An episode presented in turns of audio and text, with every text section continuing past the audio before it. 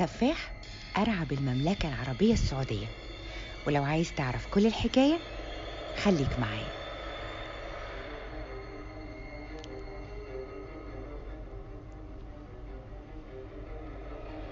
في سنة 1985 وصل للمملكة العربية السعودية وتحديدا في منطقة في الجنوب اسمها خميس مشيت واحد سوداني الجنسية اسمه جهلا البشير. وللعلم البشير دخل المملكة بطريقة غير شرعية عن طريق البحر الأحمر. وأول ما وصل للمملكة وزي كل الناس دور على شغل علشان ياكل منه عيش. وفعلا لقى شغل عند سيدة عجوز كراعي أغنام مقابل راتب بسيط. وفعلا مرت سنة وهو بيشتغل عندها وينال ثقتها وثقة أولادها كمان. خصوصا أنه كان مخلص جدا. ومن درجة الثقة الكبيرة فيه كان بيعرف عن العجوز إجمالي الربح السنوي اللي بتحققه. ومش بس كده ده كمان كانت معرفاه هي بتشيل فلوسها وأرباحها فين؟ في البيت. ولأن الشيطان شاطر دارت في بال البشير فكرة إنه يطلع نسخة من مفاتيح العجوز وياخد كل المبالغ اللي عندها. وفي يوم بلغ العجوز وأولادها إنه مضطر يرجع للسودان لظروف عائلية طارئة. وطبعا تعاطفوا معاه وسمحوا له يمشي بعد ما عطوه كل مستحقاته وراتبه وقالوا له توكل على الله. لكن جهلا البشير ما سافرش أصلا من المملكة ولا راح السودان. لكنه فضل يخطط شهرين إزاي يقدر يسرق فلوس العجوز اللي عارف هما كام ومتشالين فين. وفي اليوم اللي قرر ينفذ فيه راح البيت بالليل لأنه عارف إنها بتكون نايمة في الوقت ده. ودخل البيت وكان في إيده فاس. وفجأة صحيت العجوز على صوت غريب في البيت فقامت تشوف إيه سبب الصوت الغريب ده. وهنا أول ما حس بيها هاجمها بالفاس وقتلها وأخد كل اللي يقدر عليه من فلوس وذهب وهرب. تاني يوم الصبح وصل واحد من أولادها واستغرب إن أمه مش صاحية كعادتها كل يوم ولا قاعدة مع الغنم. واستغرب أكتر إن باب البيت كان مقفول. وفتح الباب علشان يشوف أمه على الأرض مسكينة ميتة ودمها سايل جنبها. وبسرعة بلغ الشرطة اللي حضروا فورا لمكان الجريمة. وحققوا مع أولادها كلهم ومع راعي الغنم الجديد. وللأسف الشرطة ما قدرتش توصل لأي شيء وأيدت الجريمة ضد مجهول. في الوقت ده كان البشير قدر يهرب على السودان وبرضه بطريقة غير شرعية عن طريق البحر. ومعاه كل الفلوس والذهب اللي سرقهم في اليوم ده. وبعد 12 سنة وتحديدا سنة 1997 يقرر البشير إنه يرجع تاني للمملكة العربية السعودية. خصوصا بعد ما صرف كل الفلوس وفلس. فكان أفضل حل من وجهة نظره الرجوع تاني علشان يدور على شغل أو بمعنى أصح يدور على ضحية جديدة. وتاني دخل المملكة بتهريب عن طريق البحر وراح تاني على نفس المدينة اللي ارتكب فيها جريمته من 12 سنة خميس مشيت. وراح يشتغل مرة تانية كراعي غنم عند سيدة عجوز. لكن المرة دي السيدة دي كانت جدة لواحد من أشهر وأهم التجار في خميس مشيت. وعلشان كده اشتغل عندها ست شهور بس. يعني ما طولش لأنه خاف لما عرف مين حفيدها خصوصا إن حفيدها كان دايما يزورها ويطمن عليها. كمان هي كانت حريصة إنها دايما تحفظ مكان فلوسها وذهبها سر فما لقاش مجال يعرف عنها أي شيء ولا بالتالي يخطط لسرقته. فسابها وراح عند عيلة تانية صغيرة شوية في قرية قريبة من خميس مشيت. القرية دي كان اسمها قرية العمارة. وراح اشتغل عندهم برضه كراعي غنم. العيلة الصغيرة دي كانت مكونة من أب وأم وولد عمره 16 سنة وثلاث بنات. البشير فضل يشتغل عندهم ثلاث أشهر لحد ما في ليلة من الليالي حصل نقاش بين البشير ورب الأسرة على موضوعات خاصة بالتنظيف ورعاية الغنم. وواضح إن النقاش احتد شويتين فقام رب البيت بطرد البشير من البيت. وفعلا البشير لما أغرضه مشي. لكن الشيطان لعب في دماغه بعد شوية ورجع تاني للبيت وخبط على الباب ولما فتح رب البيت طلع ضربه فورا على راسه بالفاس ووقع على الأرض ميت. وزوجته المسكينة أول ما سمعت صراخ زوجها طلعت تشوف في إيه؟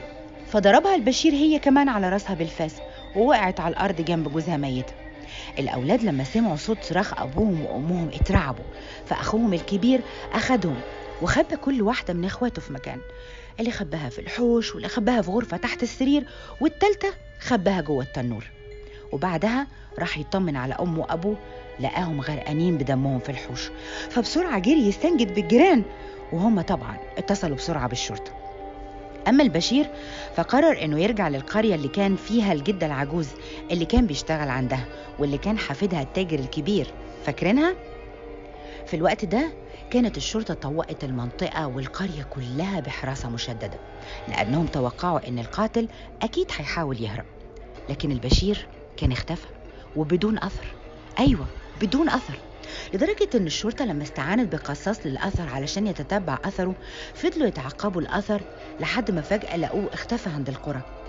الغريب إن أثار خطوات رجليه على الأرض اختفى فعلا واتقطع تماما وما حتى ما لقوش لا أثر لا سيارة ولا طيارة. راح فين ده؟ طار؟ في الوقت ده كان وصل البشير للقرية اللي فيها جدة التاجر وهو ناوي المرة دي ينفذ جريمته خلاص. ومفيش وقت قدامه طويل علشان يخطط أكتر من كده. وفي ليلة بعد المغرب راح على بيتها وهو معاه الفاس. وبنفس الطريقة قتلها بالفاس على راسها وسرق الذهب والفلوس بالبيت وهرب.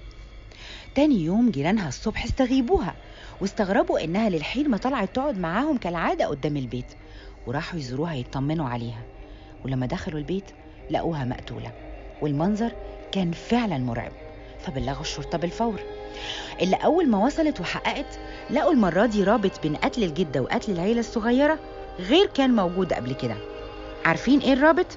إن البيتين اللي كان بيشتغل عندهم كان هو البشير نفسه وفورا عممت الشرطة مواصفاته وتم تحذير كل العائلات منه والكل كان خايف إنه يكون الضحية الجاية. أما الحفيد التاجر فعرض مكافأة مئة ألف ريال سعودي للي ساعد على القبض على السفاح اللي قتل جدته. وتحولت القضية لقضية رأي عام أشغلت المملكة العربية السعودية بالكامل لأن القضية دي بالذات كان حلها صعب واحتاج وقت طويل. وبعد 15 يوم كان في أحد الأشخاص بيعدي جنب مقابر. فلاحظ إن في شخص غريب مستخبي داخل أحد المقبر المقابر في منطقة اسمها رفيدة بتبعد عن خميس مشيت مسافة 5 كيلو تقريبا. ولما سأل الناس مين الشخص اللي قاعد جوه المقبرة قالوا له ده ساحر بيشتغل في السحر فراح مبلغ عنه الشرطة فورا خصوصا إن مواصفاته كانت مطابقة تماما للمواصفات المعممة من قبل كده. وفورا حصرت الشرطة بحضور مدير شرطة خميس مشيت شخصيا للمقبرة وتم بالفعل القبض عليه. لكن القبض على البشير ما كانش بالسهولة دي القبض عليه كان بصعوبة شديدة. الوقت ده كان أفراد الشرطة بيحكوا إنه أثناء مطاردته كان بيهرب منهم بطريقة وبسرعة غريبة وعجيبة. كان بينط من بيت لبيت ومن سطح لسطح بطريقة غريبة جدا وكأنه مش إنسان. الأغرب أكتر إنهم لما كانوا بيحققوا في الجرائم اللي ارتكبها ما كانوش بيلاقوا أي أثر لأي بصمات ولا أي أثار إنسان وكأن اللي ارتكب الجرائم دي مش موجود على الأرض أصلا. المهم لما خدوه للتحقيقات حصل شيء غريب جدا. كان المحقق لما بيسجل أقوال البشير كل ما يجي ويمسك القلم علشان يكتب القلم يقع من إيده بطريقة غريبة جدا وما يقدرش يكتب. يحاول المحقق إنه ياخد القلم مرة تانية وبرضه القلم يقع من إيده وما يقدرش يكتب ولا حرف. فشك واحد من الضباط اللي حاضرين التحقيق إن البشير معاه سحر. فقام اتنين من الضباط علشان يفتشوه لكن هو فورا هجم عليهم وحاول ياخد السكين اللي كانوا بيحاولوا يفتحوا بيه الأظرف زمان الموجودة في المكاتب وحاول إنه ينتحر بيه إلا إنهم قدروا بصعوبة إنهم يكتفوه ويفتشوا جسمه بالكامل. علشان يلاحظوا حاجة غريبة جدا. لقوا جزء غريب بارز تحت الجلد في منطقة الدراع. فجابوا فورا دكتور علشان يكشف إيه الجزء البارز ده. ولما فعلا الدكتور فتح كانت المفاجأة حاجة غريبة جدا. لقوا تحت الجلد حجاب. أيوة حجاب. ولما حققوا معاه وسألوه عن الحجاب ده قال إن ده نوع من السحر كان مخصوص حصل عليه من السودان علشان محدش يقدر يقتفي أثره ولا يقبض عليه. وبعد ما تم كشف كل أسراره انهار واعترف بالكامل بكل شيء. حتى الست العجوز اللي قتلها من 12 سنة ومحدش قدر يعرف مين القاتل اعترف إن هو اللي قتلها وسرقها وأخد ذهبها وفلوسها كمان. وأخيرا تتم محاكمة البشير وينحكم عليه بالقتل تعزيرا وصلبا يعني بمعنى آخر تنقطع رأسه وينصلب.